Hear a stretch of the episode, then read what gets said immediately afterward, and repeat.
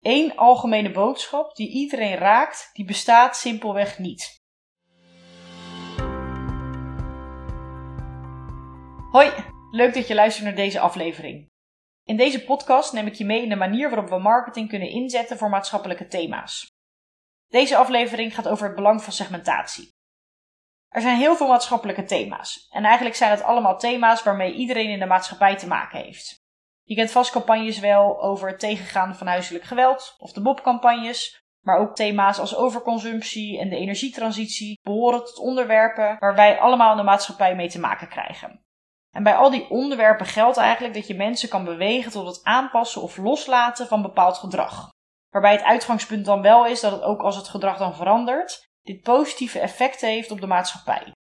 Nou, dat klinkt natuurlijk heel erg mooi, maar het is makkelijker gezegd dan gedaan. Want op maatschappelijk niveau echt iets veranderen, dan moeten er wel heel veel mensen meedoen. En vrijwillig ook. Wij geloven namelijk niet dat het gedrag duurzaam veranderd kan worden op het moment dat mensen gestuurd worden door regels of verplichtingen.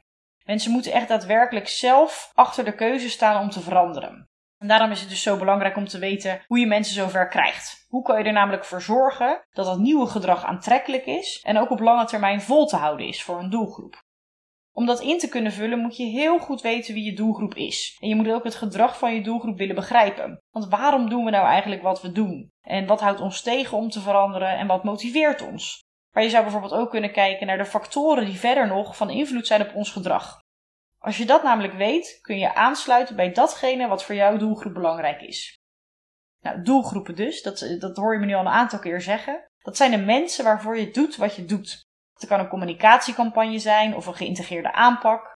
Uiteindelijk is het doel om jouw doelgroep te informeren of aan te zetten tot ander gedrag. Maar wie is nou eigenlijk je doelgroep? Want wie zijn dat nou eigenlijk die je wil bereiken? Een van de belangrijkste aspecten in marketing is doelgroepsegmentatie. Segmentatie houdt eigenlijk in dat je een doelgroep opdeelt in kleinere subgroepen die gekenmerkt worden door dezelfde waarden, interesses en gedragingen. Segmentatie wordt heel erg veel gebruikt in commerciële marketing en is heel effectief, want daardoor kan je marketinginzet afstemmen op de behoeften van jouw doelgroep.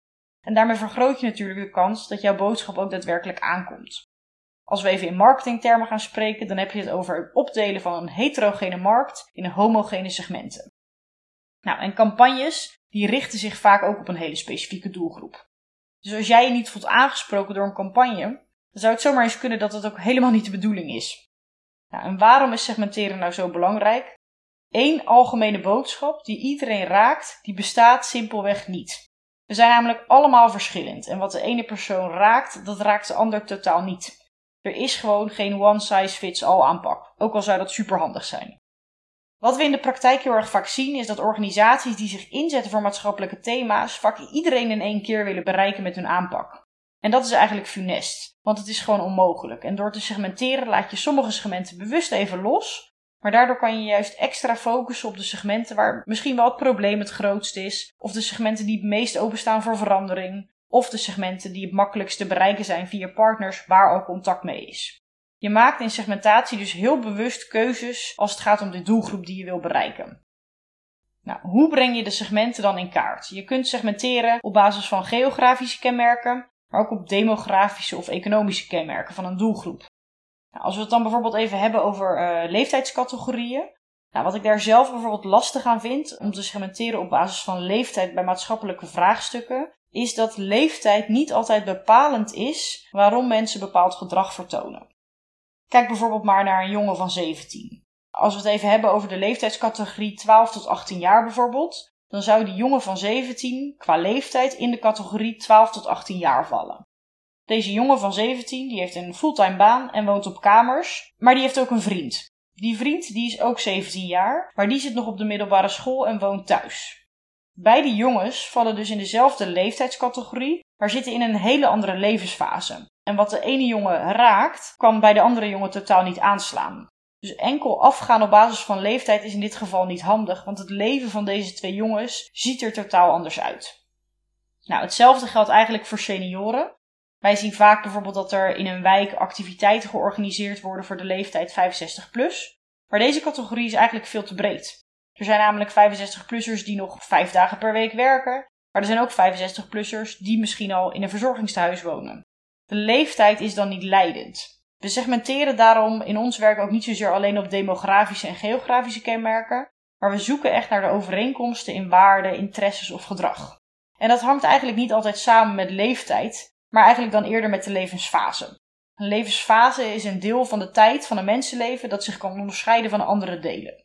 Nou, het spreekt voor zich dat je een jongen van 17 natuurlijk op een andere manier aanspreekt dan een 65-plusser, maar het is eigenlijk echt heel erg belangrijk om juist ook nog wat dieper te kijken. Kijk bijvoorbeeld naar het verschil tussen een werkende 17-jarige of een 17-jarige die naar school gaat. De situatie heeft namelijk invloed op hoe iemand op dat moment in het leven staat en wat vervolgens weer bepalend ook is op hoe een boodschap geïnterpreteerd kan worden. Nou, op het moment dat je gaat segmenteren, dan zijn er verschillende hulpmiddelen die je daarvoor kan gebruiken. En één daarvan is de Empathy Map. Dit is een tool waarbij je dieper in de doelgroep kan duiken. En op het moment dat je die tool gaat gebruiken, dan is het altijd belangrijk om voor ogen te houden welk gedrag je nou eigenlijk zou willen veranderen bij de doelgroep. Wat is het wat je wil dat die doelgroep gaat doen? En vanuit dat kader kan je deze tool gaan raadplegen. Nou, in die tool kan je een aantal vragen beantwoorden.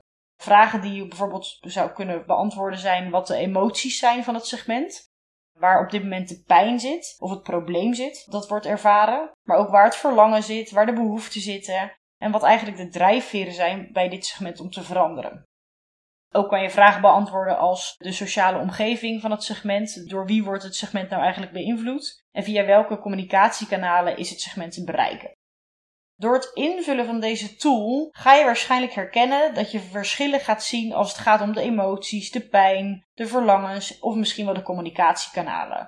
En zo herken je dus ook gemakkelijker de verschillende segmenten die er binnen jouw doelgroepen zijn. Als je nog geen onderzoek hebt gedaan onder jouw doelgroep en je kunt nog geen onderbouwde antwoorden geven op deze vragen, dan raad ik je aan om eens een literatuuronderzoek te doen en te kijken wat voor informatie er eigenlijk al bekend is over jouw doelgroep. Er is namelijk heel erg veel te vinden op het internet en dat is heel handig om toe te passen. Wil je meer informatie over het segmenteren van je doelgroep of wil je een case aan ons voorleggen? Neem dan contact met ons op via onze website. Het linkje daarvan vind je hieronder onder de podcast. In de volgende aflevering gaan we dieper in op de factoren die onze keuzes beïnvloeden. Voor nu heel erg bedankt voor het luisteren en succes met het segmenteren van jouw doelgroep.